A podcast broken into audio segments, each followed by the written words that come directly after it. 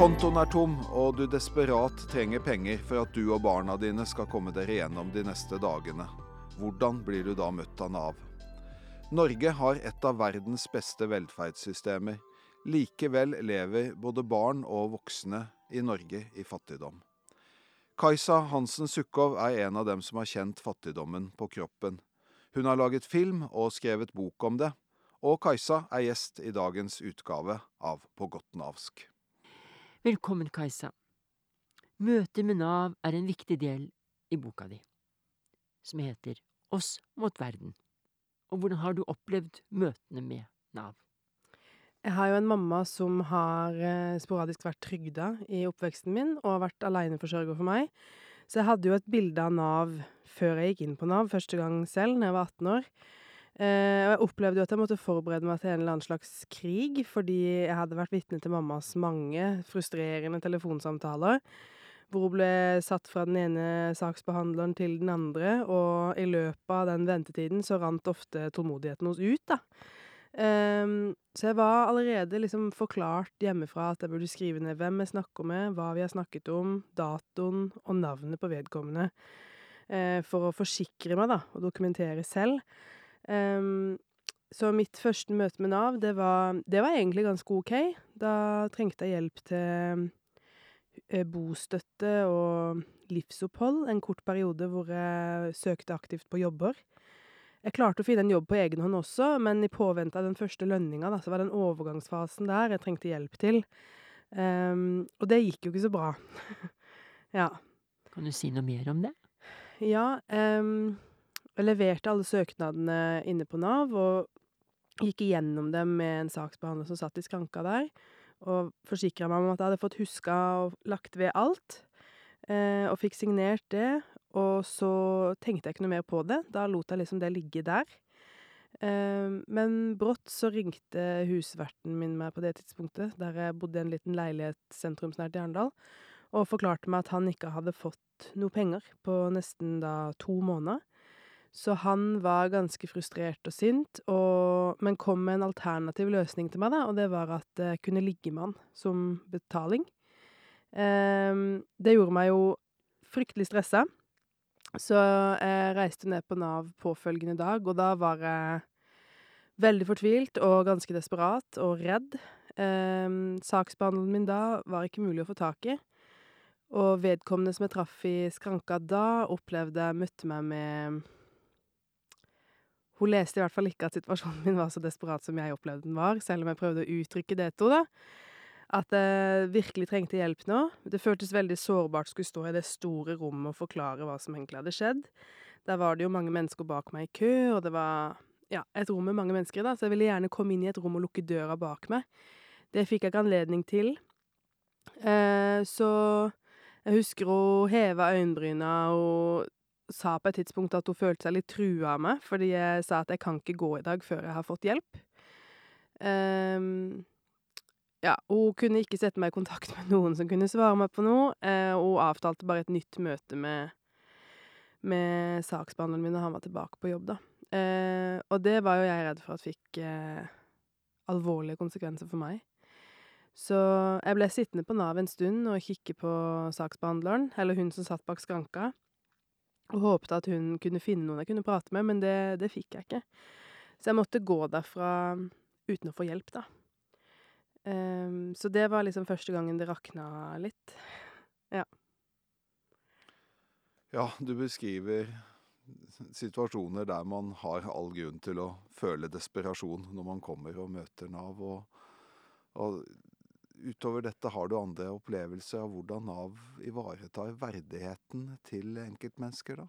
Mm, ja. Altså, neste runde jeg hadde hos Nav, det var da jeg skulle begynne å studere. Jeg hadde kommet inn på, på UiA, og skulle da flytte fra Arendal kommune til Kristiansand kommune. Og da ble jeg forespeilt liksom nå må du bare flytte adresse i folkeregisteret og sånne ting. Dette Da hadde jeg overgangsstønad. Dette følger deg.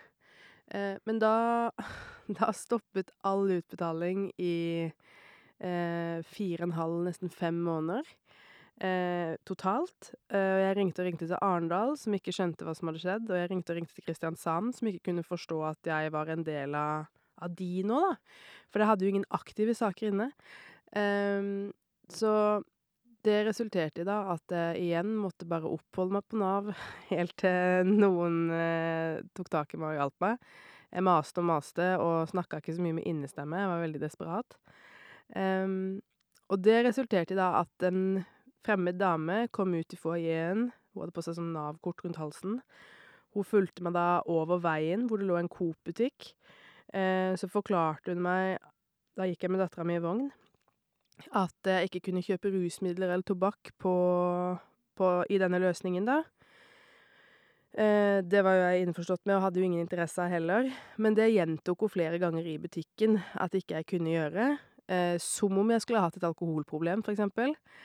Ehm, det ble veldig mye tust i kassa, for det var jo selvfølgelig det et menneske på jobb som ikke hadde vært borti denne løsningen før. En under opplæring, så det var masse prat om liksom Nav, nødhjelp, rekvisisjon, da går du inn i dette systemet, køen hopa seg jo voldsomt opp. Jeg var veldig redd for at det skulle være noen fra barnehagen til dattera mi der, eller noen medstudenter eller professorer eller noe sånt. Så den gangen så gikk jeg med varene uten å si takk eller noen ting, jeg bare kom meg ut av den butikken så raskt som mulig. Så jeg opplever jo, og har opplevd i flere møter med Nav, at jeg blir ytterligere stigmatisert utover det jeg allerede ble i livet mitt, da, som fattig og aleneforsørger. Ehm, og Nav bygde opp under det, den fordommen jeg hadde mot Nav, så det ble jo også en sånn nedadgående spiral. Jeg forventa å bli tråkka på og stigmatisert på Nav, og lette nå kanskje underbevisst etter ting som bekrefta denne teorien hos meg, eh, og fikk det bekrefta igjen og igjen og igjen, da. Har du noen gode, positive opplevelser med Nav? Ja, der skulle jeg ønske at jeg kunne si sånn ja, det har jeg. Eh, men jeg har det eh, etter jeg begynte å jobbe i kommunen og har samarbeida med Nav. Der har jeg møtt masse fine folk. Og jeg har også noen kjempegode venner som jobber i Nav, som jeg tenker at eh, Nav er heldig å ha som ansatte, som jeg gjerne skulle møtt hvis jeg hadde stått i en krise. Men som eh, klient, da, skulle jeg si, som eh, ja, mennesker som går på Nav for å søke på et eller annet man har krav på, så har jeg dessverre ingen gode erfaringer. Så først når rollen blir omvendt, snudd, da kunne du si at det, kan du si at du har, et, har gode opplevelser med Nav? Ja, og det er jo egentlig ganske trist. Men jeg har leita etter å finne noen gode historier, skulle jeg si. Men jeg har jo aldri opplevd å ha levert en søknad på noe jeg har krav på, og så har det gått sånn som prosessen er planlagt for, da. Ja. Det er jo veldig trist og alvorlig, det Ja. du, du sier her. Eh, og det handler om Nav-ansatte i sitt møte med deg. Så- er det jo det, altså når du sier også at du kjenner Nav-ansatte som er veldig hyggelige, Mm. så har jo vi som Nav-ansatte roller og et, et visst handlingsrom innenfor Mm. eh, det vi kan gjøre når vi møter mennesker. Hva tenker du om handlingsrommet for den enkelte Nav-ansatte ut fra det du har erfart? Jeg har jo skjønt eh, nå, hvor jeg på en måte står på den andre sida av gjerdet og er eh, selvberga, skulle jeg si, og lever e- på en annen måte enn det jeg gjorde da, at handlingsrommet til Nav-ansatte også er veldig smalt. Fordi nå som ansatt i kommunen, så har jeg jo sittet i samtaler med Nav-ansatte i ulike settinger, hvor de da forklarer at dette er utfordringa, jeg ser at dette er utfordringa, men jeg har ikke anledning til å gjøre noe med det.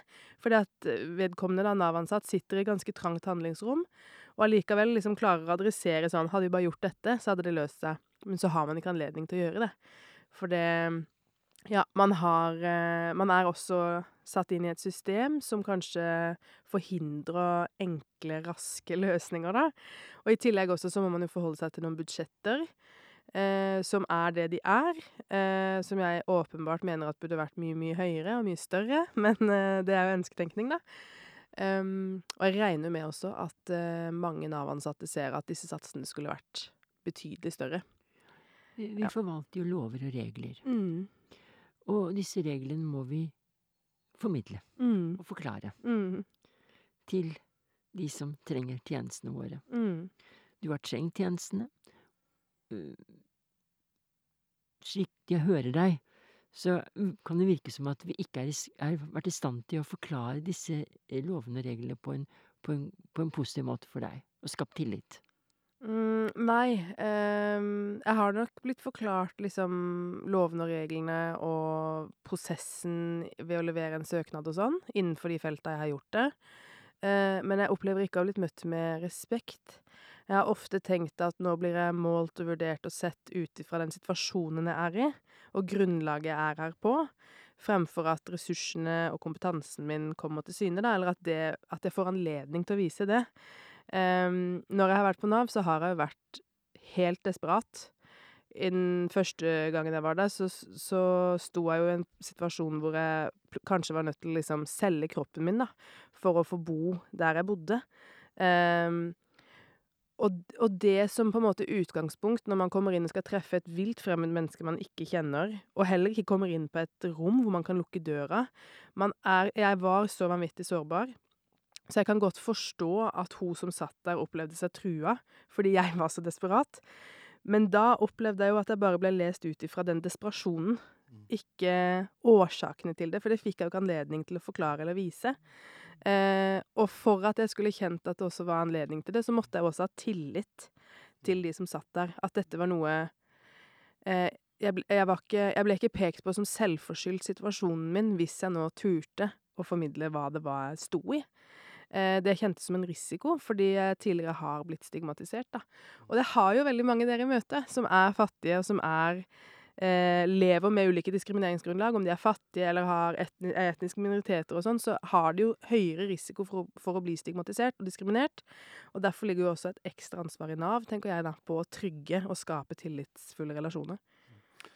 Ja, ja, du er jo inne på altså, situasjoner her der du kommer og desperat trenger penger, og så møter du en person på andre siden av bordet som kan si ja eller nei Mm. til deg. Og da har vi Mm. jo en veldig ubalanse i makten i møtet mellom to mennesker. Mm. Hvor bevisste er Nav-ansatte på denne maktubalansen? Um, jeg har jo ofte tenkt, det kommer frem i boka også, at uh, de Nav-ansatte jeg har møtt, ikke er klar over det. Um, og det har jeg liksom konkludert med ut ifra hvilket kroppsspråk de har hatt, hvordan de har oppført seg i møte med meg, hvordan de har blikket sitt, hvordan de beveger ansiktet sitt, hvordan de ter seg, rett og slett. Uh, og jeg har ofte følt at uh, Nav-ansatte har vært overgitt, eller uh, himla med øynene, kikka i taket, uh, kikka på klokka, liksom gnidd seg i panna, hårfeste, og vært sånn Kroppen deres og måten de har oppført seg, opplever jeg har utstrålt en eller annen form for forakt, eller at de ser ned på meg, eller tenker mindre om meg. Um, og det også i den maktbalansen som du snakker om da, hvor det er en veldig vesentlig stor forskjell. Uh, hvor rett og slett en Nav-ansatte sitter og kan bestemme om jeg får mat til meg og dattera mi, eller om jeg må ligge med en fyr for å ha tak over hodet. Eh, man får det jo ikke mer urettferdig, da, i hermetegn, enn det.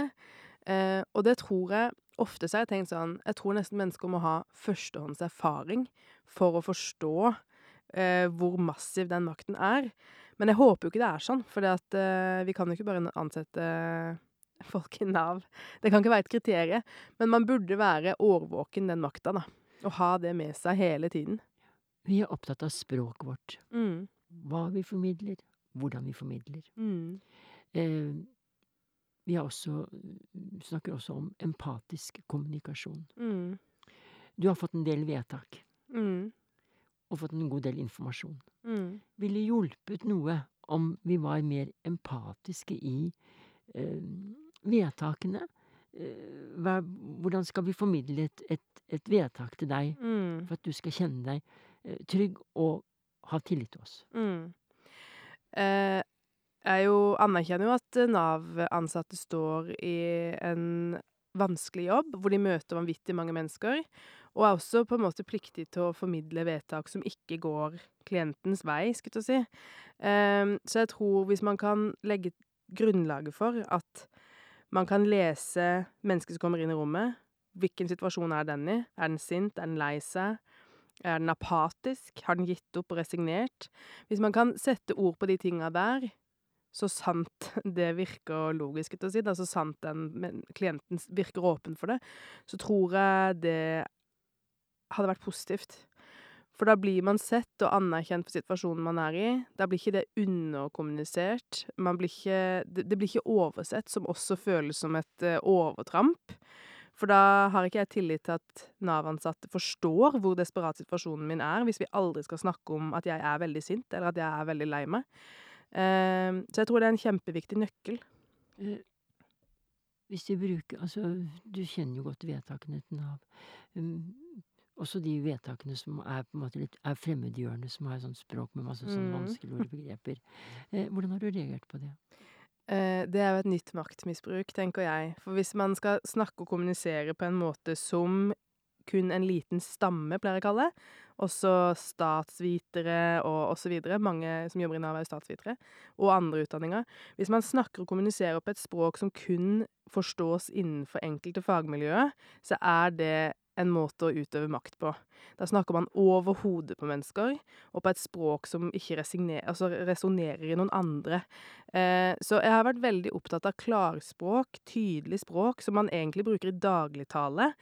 Det kan man ikke alltid få til, men eh, så langt det lar seg gjøre, så håper jeg at eh, vedtak og Nav-papirer i fremtida kan bli mer forståelig. Her i På godt navsk har vi en eh, fast spalte og en eh, fast bil som kommer på besøk. Det er søppelbilen som vi kan høre i bakgrunnen her. Og den skal ta med seg et gammelt ord som du skal, eh, skal få, få velge å, å, å kaste, og kjøre av gårde med det på, på søpla. Hvilket Mm. ord er det du vil kaste, Kajsa? Jeg kunne nok valgt mange her, men det som kommer på toppen av huet nå, er jo faktisk naver. Det vil jeg kaste, fordi jeg opplever at det er veldig belasta. Og det betyr nok ulike ting i ulike kretser og sånn.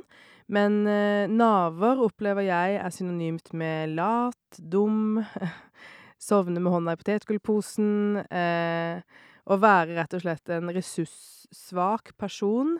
Så ja, jeg ville kasta naver. Tusen takk. Da hører vi søppelbilen kjøre av gårde.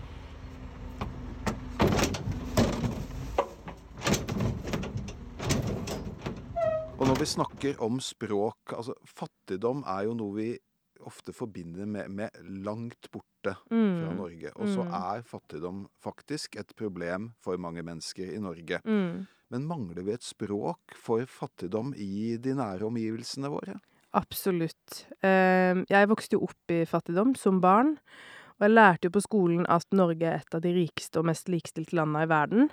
Og vi lærte jo om fattigdommen som noe langt borte. Vi hadde jo vennskapsbyer og sånn, som vi samla inn penger til til fattige barn og skoler og sånn, som er kjempeviktige, som jeg var veldig glad for å gjøre. Men det gjorde også at jeg aldri fikk et språk til å formidle mitt liv og mitt, min hjemmesituasjon. Jeg opplevde ikke at det vi lærte på skolen om at alle kan bli hva de vil, for her er utdanning gratis og sånn, jeg opplevde ikke det stemte med min erfaring hjemmefra. Um, og fordi man aldri setter ord på den norske fattigdommen, så tror jeg det er veldig lett for eh, oss som er en del av den, da, eller har vært en del av den, å rette skammen innover. Fordi da må det være noe galt med oss, siden du skal kunne bli og leve akkurat hvordan du vil i Norge. Og hvis man da ikke klarer det, så må det være noe galt med meg, fremfor systemet, eller fremfor at vi mangler et språk for å formidle, formidle dette. Så lenge så gikk jo jeg og skamma meg i ensomhet bak husets fire vegger, som jeg tror veldig mange mennesker med fattigdomserfaring gjør og har gjort. Fordi vi ikke har ord til å sette på det vi opplever. Det er liksom ikke legitimt å være fattig i Norge, og hvis du er det, så opplever jeg at veldig mange tenker at du er selvforskyldt situasjonen din, da. Du har barn. Mm. Hvordan har barna dine hatt det? Ja, det er jo kanskje noe av det jeg er mest stolt av med det jeg produserer. Altså, nå lagde jeg filmen i fjor og boka i år. Og i filmen så medvirker dattera mi uten at man hører navnet hennes eller ser ansiktet hennes. Eh, hun hadde veldig lyst til å være med mye mer enn det jeg tillot. eh, og da hun så filmen i sin helhet når den var ferdig, eh, så spurte hun liksom 'Mamma, har vi hatt det sånn?' Eh, og da kjente jeg ble helt vanvittig stolt. Fordi da har jeg klart livsmålet mitt, på en måte, og ikke la hun føle seg begrensa av min økonomi. Hun har aldri skjønt at vi har vært fattige, og i det så ligger det en enorm jobb, eh, fordi når man lever som fattig, så lever man jo fra hånd til munn. Man må bare komme seg gjennom dag til dag, som er en vanvittig kamp. Man må innom mange kontorer, man må dokumentere. Det er en mengde med dokumentasjon. Eh, man må huske på ting, tidsfrister og ringe og mase og sånne ting. I tillegg til at man kanskje studerer eller allerede har en jobb.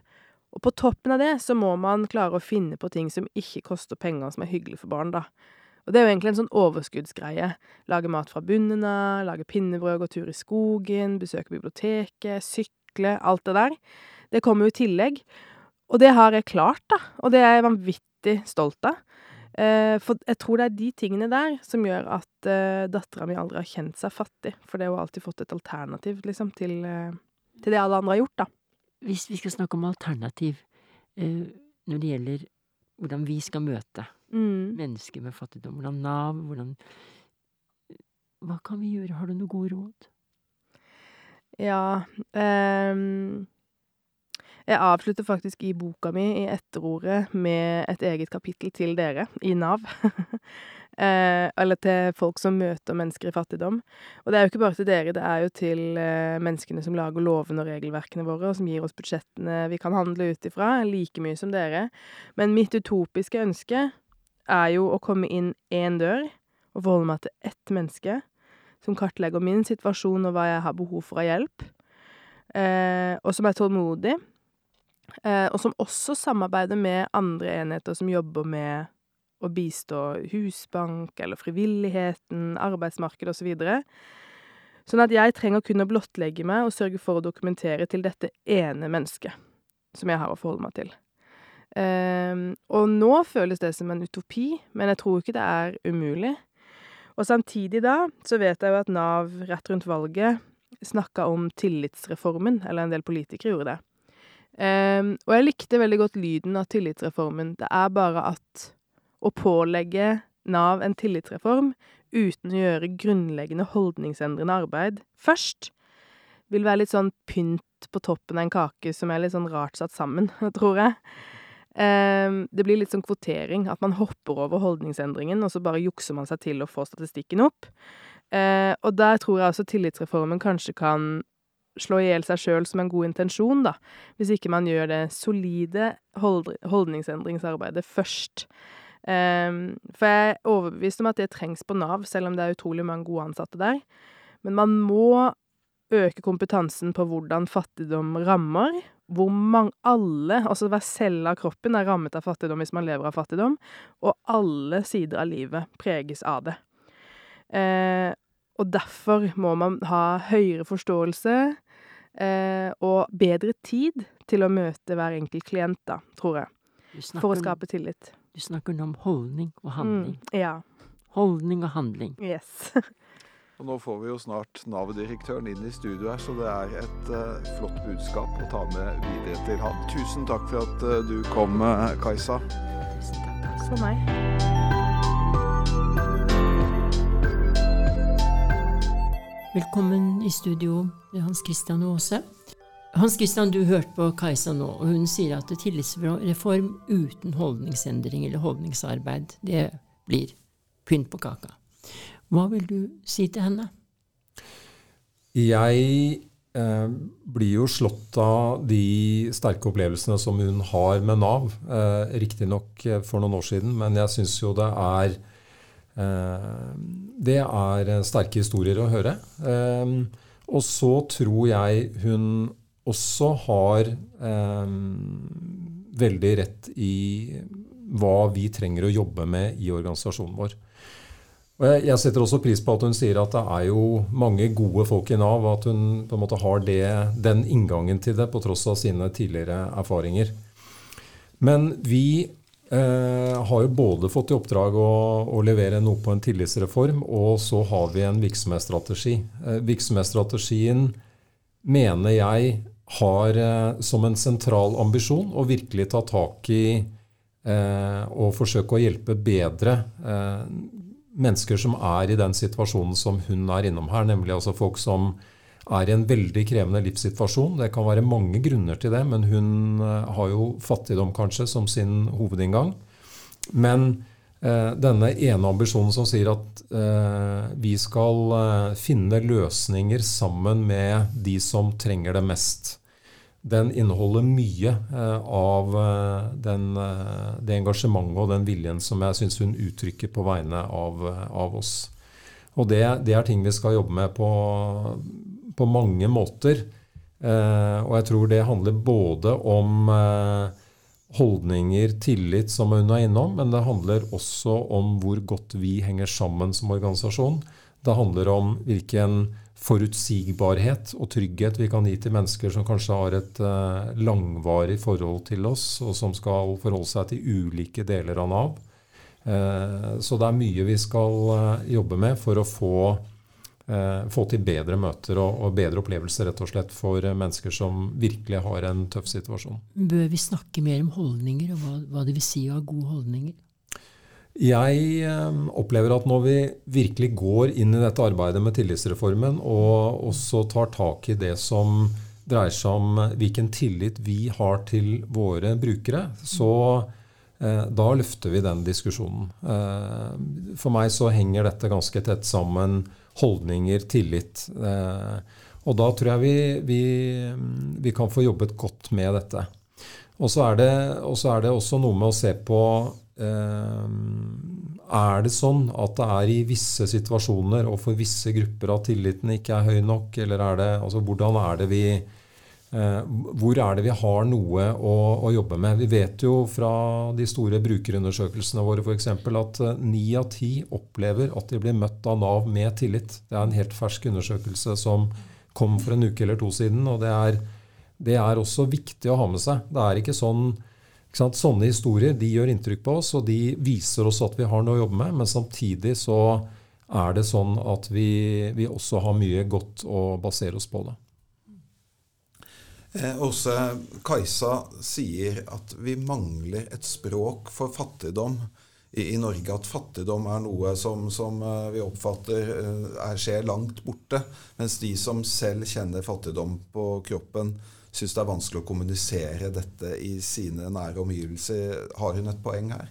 Ja, det tror jeg er et veldig godt poeng. Og vi har jo hatt en del eh, diskusjoner om, eh, om terminologi og, og, og, ordbruk på dette feltet. Altså at en snakker om vedvarende lavinntekt istedenfor fattigdom. Og jeg tror kanskje ikke at eh, vedvarende lavinntekt føles så veldig mye bedre for de som kjenner fattigdom på kroppen. Så det å, det å kalle ting ved sitt uh, rette navn, og heller jobbe med å gjøre noe med det, istedenfor å diskutere om vi skal kalle det noe annet så det ikke oppleves så stigmatiserende, tror jeg er veldig viktig. Og så skal vi huske på det at folk som er syke eller er i en situasjon der de opplever fattigdom, det er forferdelig eh, stressende. Altså en lever under veldig høyt press.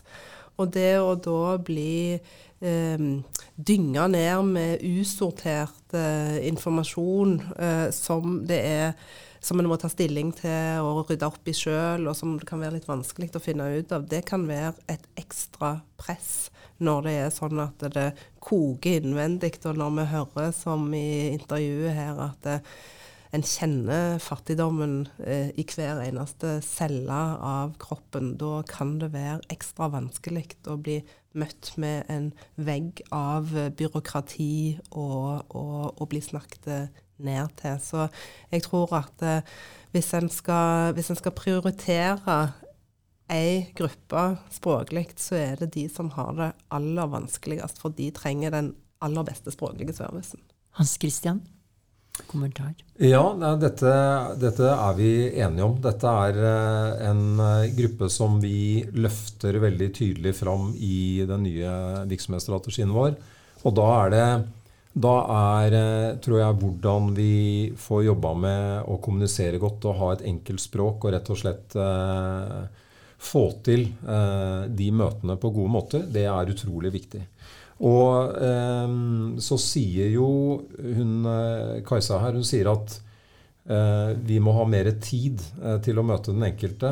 Det er jo sånn at vi har et eh, ganske stort press på våre ansatte. Vi har rett og slett mange som den enkelte veilederen skal følge opp. Det er vanskelig å løse det, altså finne noen måte å trylle bort det på. Men samtidig, det å virkelig se på den gruppa som har de aller største utfordringene, det er jo nettopp det vi løfter fram i, i ny strategi. Og da kunne bruke de virkemidlene som, som vi har. Språk, en viktig del av det. Eh, helt klart. Men Kajsa snakker også om den, enkelte Navs ansatte handlingsrom. Er det noe du tenkte at det her må vi jobbe med? Det er ingen enkle løsninger som ligger snublende nær tror jeg, for å gjøre store, radikale endringer med det handlingsrommet. Fordi at det er sånn at det ligger et skjønn der eh, hos den enkelte. Jeg, jeg, pleier å si at kompleksiteten i det store, eh, flotte Nav, det, det, det, finner vi på bordet i møtet mellom en veileder og en, et menneske som kommer til Nav. Den veilederen forvalter den kompleksiteten, ser dette mennesket, skal sette seg inn i, prøve å forstå Hvilken, eh, hvilken, lyst og evne har du til å arbeide? Hvilke behov har du eh, generelt? Alt dette møtes eh, i disse møtene. Og jeg tror sant, Der ligger det en god del skjønn. Og så ligger det også et ansvar for likebehandling. Det ligger et ansvar for å følge lover og regler på en rekke områder. Alt dette må vi bare levere på så godt som mulig. Jeg tror noe av stikkordet her er eh, for å bruke det handlingsrommet som i utgangspunktet ligger der, best mulig, så er rett og slett eh, kompetanse, innsikt, eh, hos hver ansatt i Nav noe av det aller viktigste. Og det er f.eks. I, i denne sammenhengen vi snakker her nå, det er kompetanse og innsikt i, i hvordan vi kommuniserer godt, hvordan vi har et uh, godt språk. Og en del av denne kompetansen da blir jo også hvordan vi Eh, språkmessig bruker makten vår. Eh, hun forteller om den voldsomme skeivheten i makt i et møte der en desperat trenger penger for at hun og barna skal klare seg gjennom de neste dagene, og en sitter på den andre siden av bordet og kan si ja eller nei til det. Og nevner også kroppsspråket. Er dette noe vi lett undervurderer også? Ja, og det har vi jo òg snakket om i tidligere podkastepisoder. Altså at eh, hele kommunikasjonen, altså både det en sier, måten en sier det på, kroppsspråket som en bruker til å understreke det med, er veldig, veldig viktig. Og så må vi òg huske at um, den som er i en desperat situasjon, og som uttrykker det, må kunne uttrykke det på en kraftfull måte, uten at vi som da er i det offentlige begynner eh, på, på, første anledning å diskutere tonen.